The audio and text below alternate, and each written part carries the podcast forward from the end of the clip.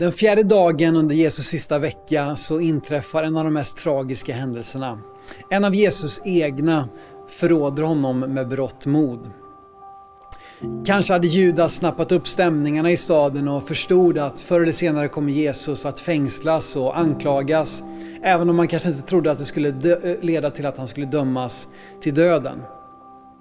Som för så många andra så var pengar den stora frestelsen för Judas. Vi läser i Matteus 26, vers 15-16. Då gick en av de tolv, han som hette Judas Iskariot, bort till översteprästerna och sa Vad vill ni ge mig om jag utlämnar honom åt er? Då vägde de upp 30 silvermynt åt honom och från den stunden sökte han efter ett lämpligt tillfälle att förråda Jesus. Judas beger sig till översteprästerna för att fråga vad de var beredda att erbjuda honom om han skulle ge dem Jesus. Han erbjuds 30 silvermynt, vilket också var priset för en slav. Ett silvermynt var värt fyra denarer och en denar var en dagslön. Judas förråder alltså Jesus för ungefär fyra månadslöner, vilket kanske är 100-150 000 kronor i vårt penningvärde. Bara dagar tidigare så har Maria smort Jesu fötter med den dyrbara nardusoljan. En olja som var den mest dyrbara du kan tänka dig och som de nämner var värd över 300 denarer, alltså en hel årslön. Vilket Judas också konstaterat som slöseri när han säger att borde vi inte sålt oljan och gett till de fattiga? Men vi förstår att Judas var nog snarast in, eh, ute efter att i så fall roffa åt sig av pengarna. Men nu ser han ett tillfälle att igen tjäna pengar på Jesus. Vilken kontrast mellan Maria och Judas. Maria ville ge det mest dyrbara hon hade i tacksamhet till Jesus. Medan Judas ville roffa åt sig och se vad Jesus kunde gagna honom med. Men varför förrådde Judas Jesus? Visste Gud om det från början? Var det Guds plan att Judas skulle förråda Jesus och dömas till helvetet?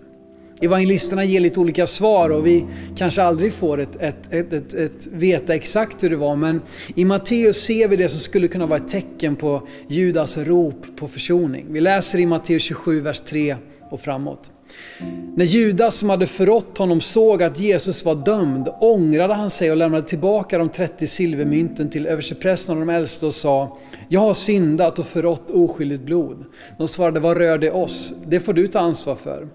Då kastade han in silvermynten i templet och gav sig av. Sedan gick han bort och hängde sig. Judas ångrar sig. Han rent av bekänner sin synd och vill lämna tillbaka silvret som i Gamla Testamentet är en, en symbol för försoning. Händelsen utspelar sig vid samlingsplatsen för Sanhedrin, alltså det judiska rådet, vilken var en pelarhall precis i anslutning till, eller i, i själva tempelhuset. När översteprästerna inte vill ta emot det så slänger Judas pengarna in i templet. En penningpåse med 30 silvermynt blir ungefär något i den här storleken och skulle kunna kastas ganska långt. Och just det kastet innebär att han kastar förmodligen över brännofferaltaret där det dagligen offrades offer till försoning för folket. I sin ångest går Judas sen och hänger sig. En hård dom har genom alla tider fallit över Judas vars namn har kommit att förknippas med den värsta sortens svek. Samtidigt ser vi hur Petrus under samma dagar på liknande sätt för, för, förråder Jesus när han förnekar honom tre gånger om.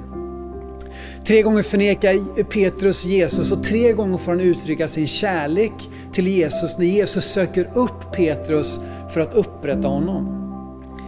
Vad hade hänt om Judas hade väntat? Vad hade hänt om Judas gett Jesus chansen att komma till också honom för att upprätta honom? Vi vet inte det, men kanske, eller jag tror att Gud såg Judas ånger och omvändelse och kanske att slutet inte blev så mörkt för honom som vi ibland kanske tagit för givet. På samma sätt står Gud redo att ge dig en chans till och en chans till och en chans till.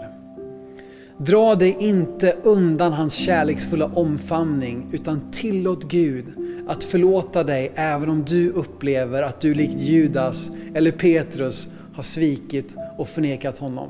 Han står redo att förlåta och ge också dig upprättelse.